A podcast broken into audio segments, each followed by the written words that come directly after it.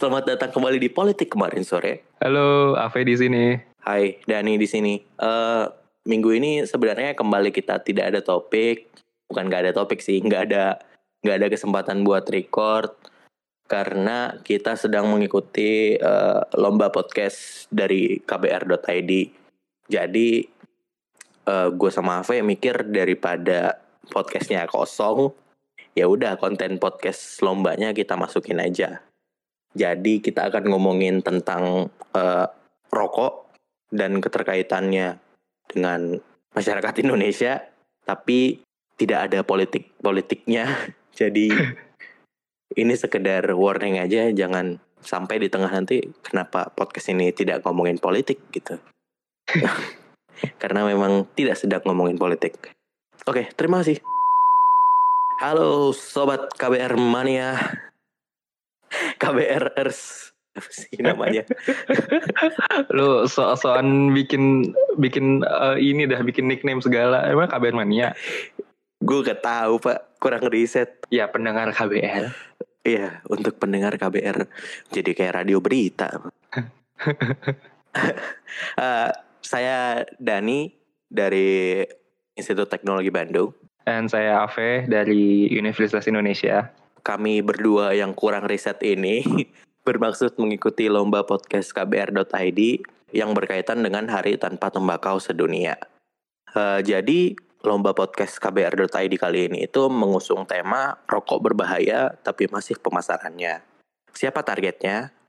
Jadi kami sudah menemukan jawabannya. Targetnya adalah anak-anak dan remaja. Oke, terima kasih. Sekian podcast kali ini. Kan nggak ada ini ya, nggak ada batas minimum ya. Adanya batas maksimum ya. Jadi udah kelar. Kalau udah terjawab pertanyaannya, Ve, ngapain dipajang-panjangin? ya, jadi eh, kami akan meng apa ya? mengelaborasi eh, jawaban barusan. Kenapa yang menurut kami yang ditargetkan adalah anak-anak dan remaja? Eh, itu akan kami bahas setelah ini dengan poin-poin eh, dengan talking points yaitu yang pertama advertising rokok eh, adalah upaya regenerasi perokok terus brand positivity yang menempel ke rokok, terus yang ketiga adalah upaya regulasi iklan rokok dan kendalanya untuk ditegakkan, dan yang terakhir adalah pandangan masyarakat terhadap rokok yang mempengaruhi peredaran rokok di anak usia dini. Eh, eh anak usia dini itu berapa sih, Ve? Maksudnya termasuk remaja kan? dini? Enggak dong. Enggak Oh, enggak ya? Enggak, enggak. Oh Remaja. ya udah, berarti berarti pandangan masyarakat terhadap rokok di anak-anak dan remaja. Selamat mendengarkan. kan keputusan MK tentang rumput eksekutif sudah dibahas. Dibilang nggak ada naskah eksekutif, eh, naskah ada nih, as- naskah ada, naskah ada akademisnya. Yang bener aja, apa kita orang tolol semua? Masalah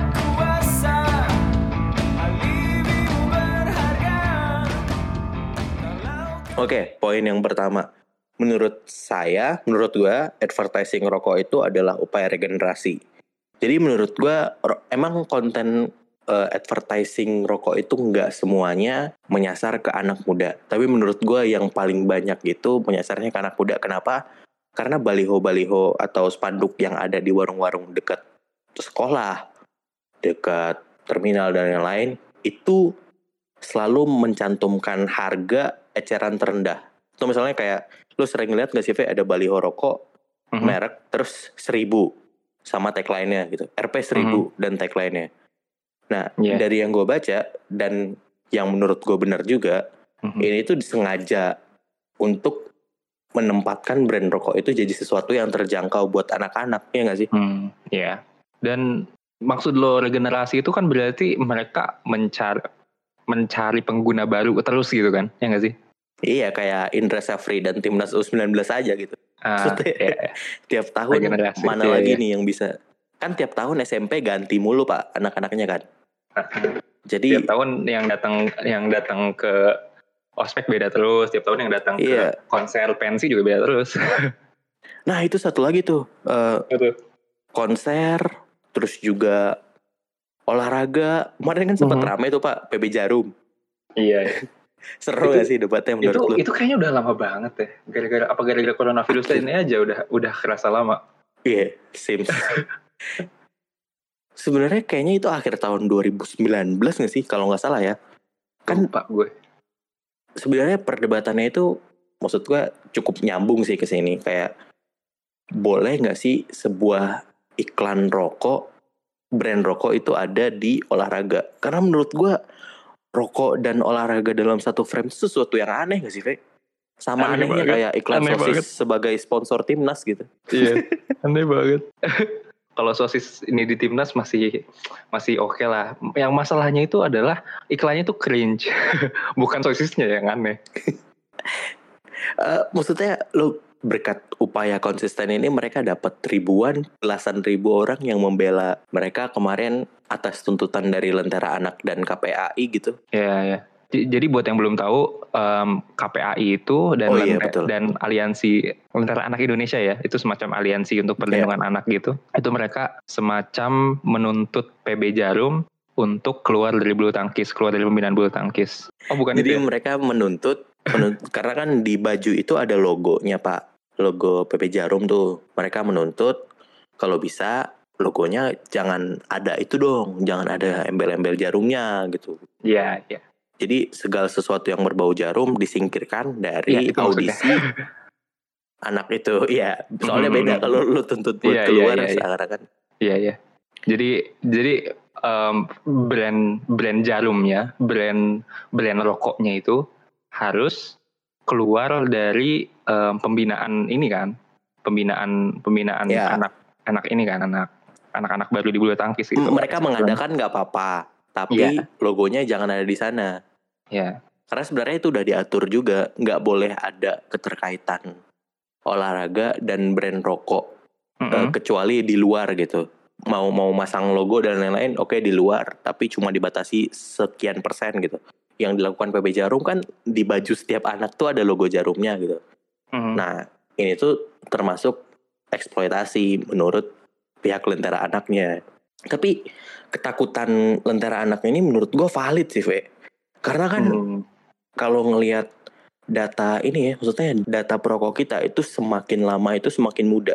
Gue Hmm. ambil contoh eh, tahun 1995, ini datanya gue ambil dari tirto.id btw, proporsi perokok di usia 5 sampai 9 tahun itu 0,6 persen, eh, 10 sampai 14 tahun itu 9 persen, 15 sampai 19 tahun itu 54,6 persen. Jadi kalau di total itu mungkin ada di sekitar 64 persen eh, anak-anak dari usia 5 sampai 19 tahun yang ngerokok.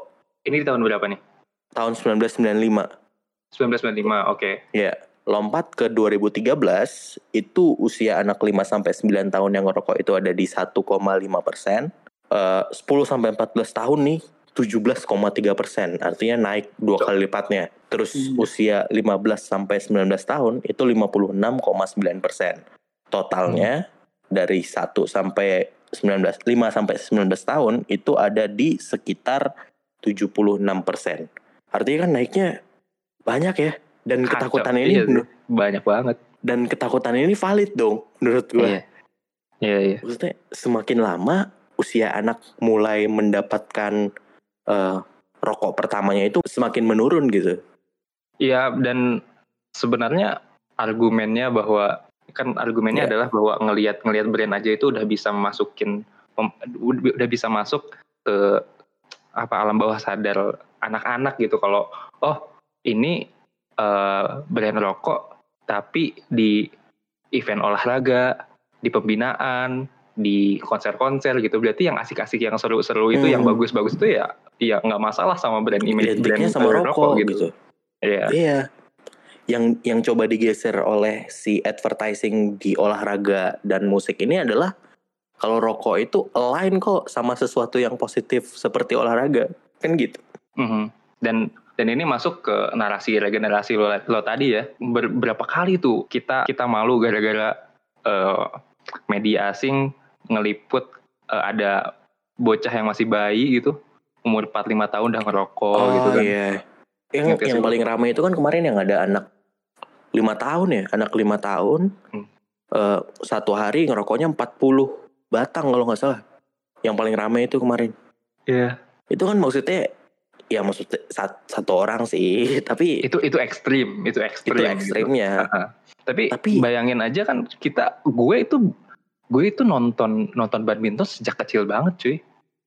Iya, ya untung aja gue punya orang tua yang nggak ngerokok juga, terus kemudian punya lingkungan yang ini ya.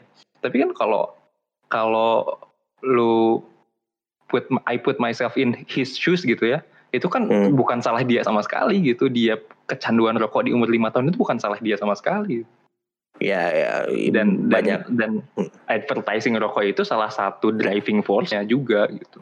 Hmm, setuju setuju. Karena Dan- memang sebenarnya agak regulasinya udah udah udah ada, sudah coba ditegakkan, tapi selalu ada loophole kan pak.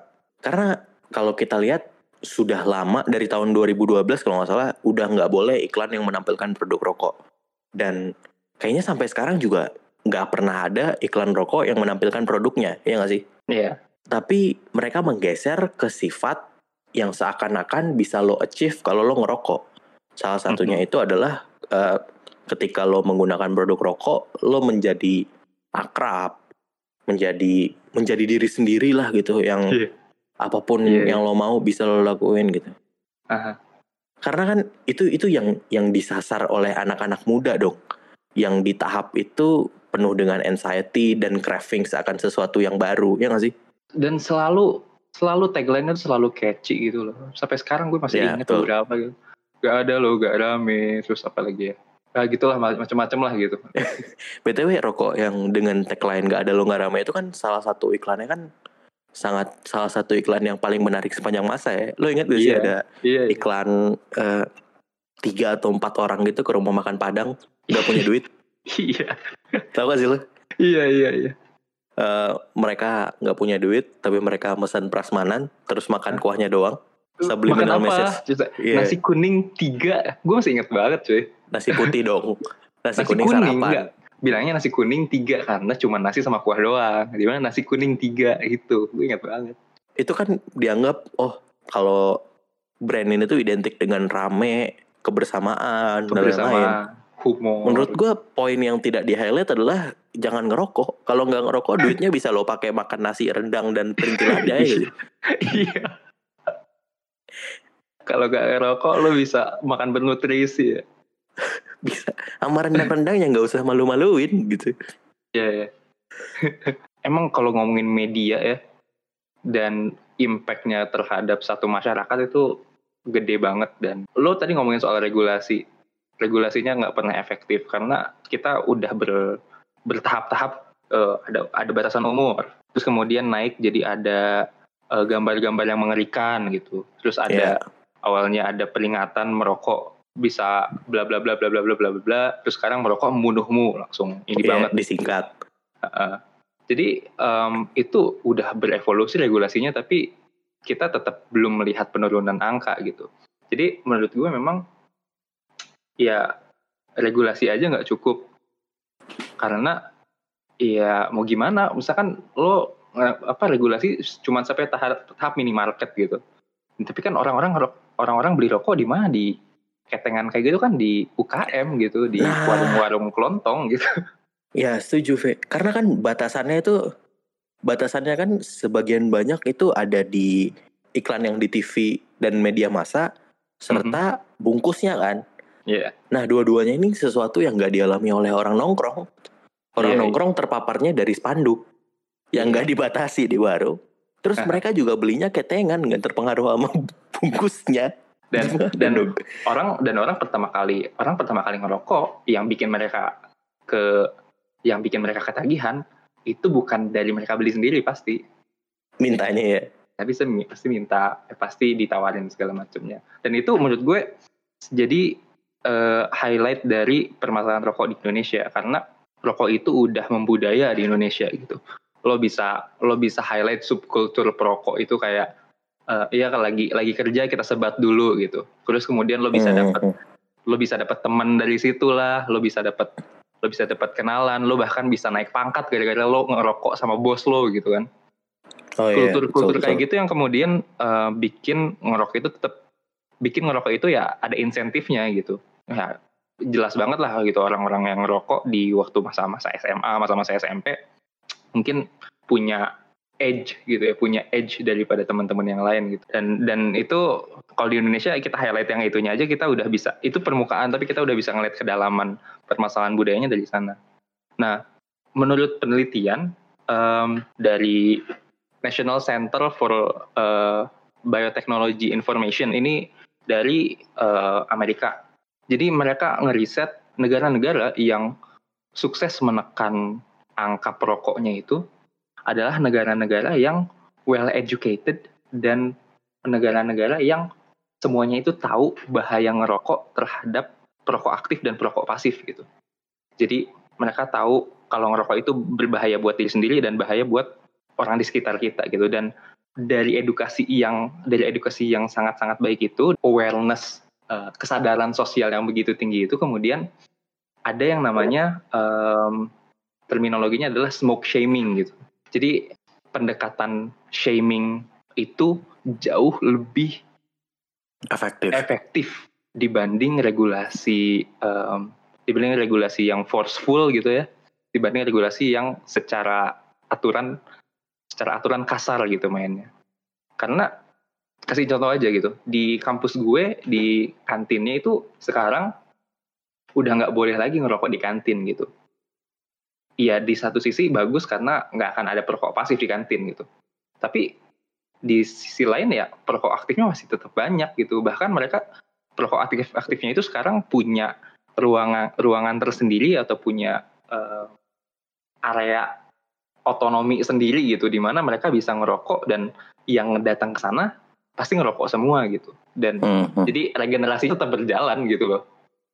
Ya ya betul. kan regenerasi tetap berjalan Mau Makanya- nggak mau satu dua juga datang kan meskipun Iya. tidak aktif tapi karena kepingin ikut ininya. iya karena karena yang nongkrongnya ya udah di sana gitu mau nggak mau Hmm, gitu. hmm. regenerasinya tetap jalan.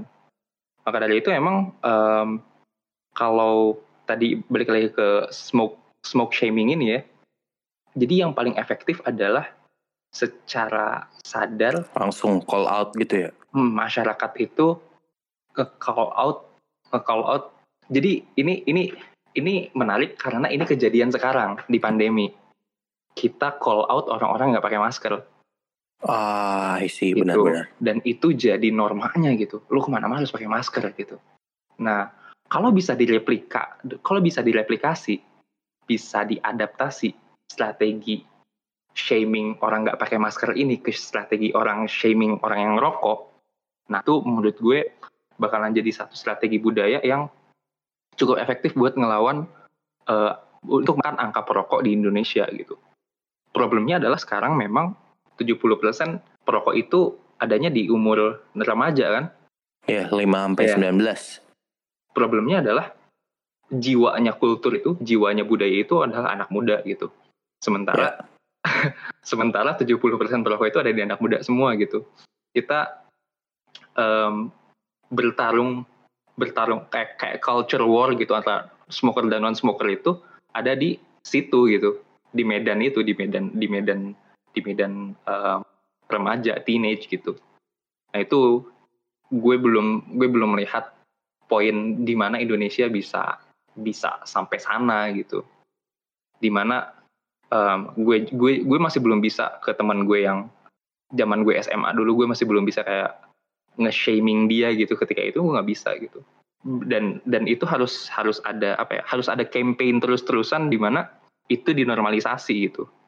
Shaming smoke shaming itu dinor- dinormalisasi. Karena itu akan jauh jauh lebih efektif gitu daripada regulasi apa pun gitu.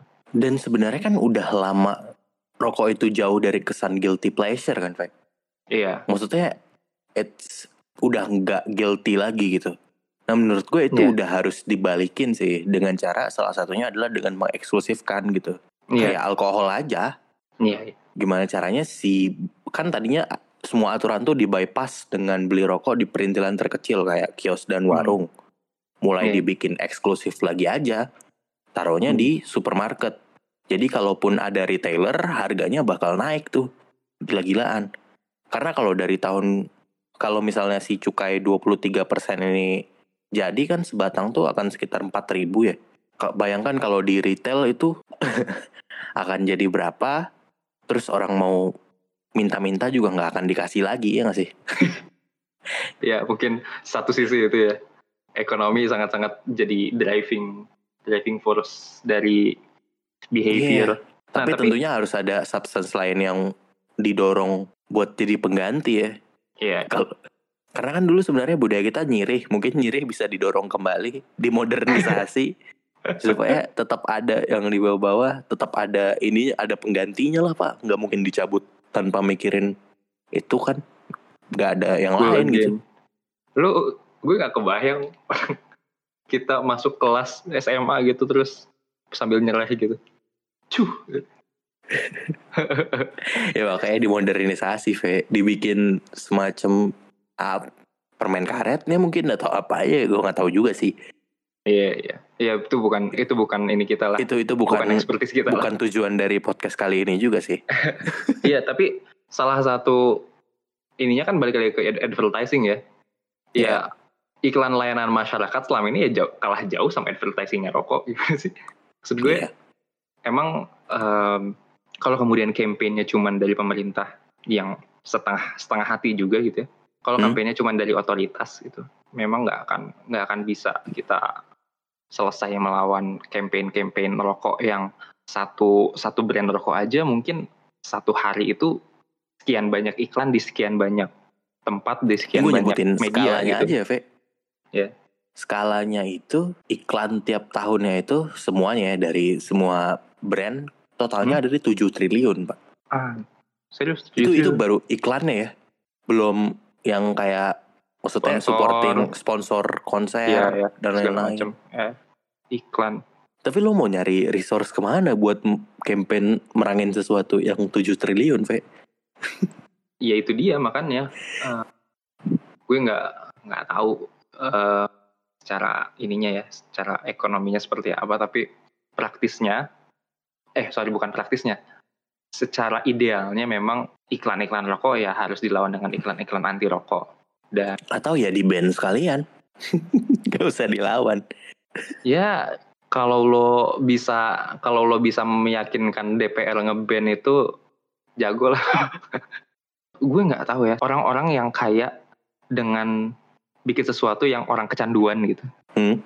itu tuh itu tuh moralnya di mana gue nggak tahu Wow. Dari ini et, Vokal dari sudut pandang Anda. etika. Wih dari sudut pandang etikanya kayak gimana? Maksudnya ya dari countless argument against rokok gitu. Dan makanya Ya, dan makanya menurut gue itu bikin shaming itu sebenarnya sangat gampang gitu. Ya enggak lo lo shaming orang gendut aja gampang banget gitu. Karena ya orang gendut itu enggak enggak ya enggak ya lo enggak enggak enggak bagus buat kesehatan lo enggak bagus buat penampilan lo juga lo gampang banget orang nge- nge-shaming nge-shaming orang gendut gitu kenapa susah banget nge-shaming orang rokok gitu harusnya sih Nah. gitu ya itu Ave ya, gua enggak ya. Karena gua nggak nggak nggak pernah nyobain, nggak ngerokok juga. Gua nggak mau jadi nggak mau jadi yang sok gitu-gitu aja sih, Ve. Karena gua nggak mau, misalnya gua nggak mau jadi partai yang nggak pernah masuk DPR tapi udah ngeklaim paling anti korupsi. Itu aja sih. Emang Udah ya, Ve ya. ya gitu aja Itu aja. Sip. nggak tahu deh ada kesimpulan apa enggak tapi ya ya Nggak gitu ada lah udah gini aja. Ya udah, jangan lupa kita merayakan hari tanpa tembakau sedunia tanggal 31 Mei sudah lewat. Ya, jangan lupa dirayakan aja lewat tidak apa-apa. Eh, itu aja episode politik kemarin sore kali ini. Terima kasih. terima kasih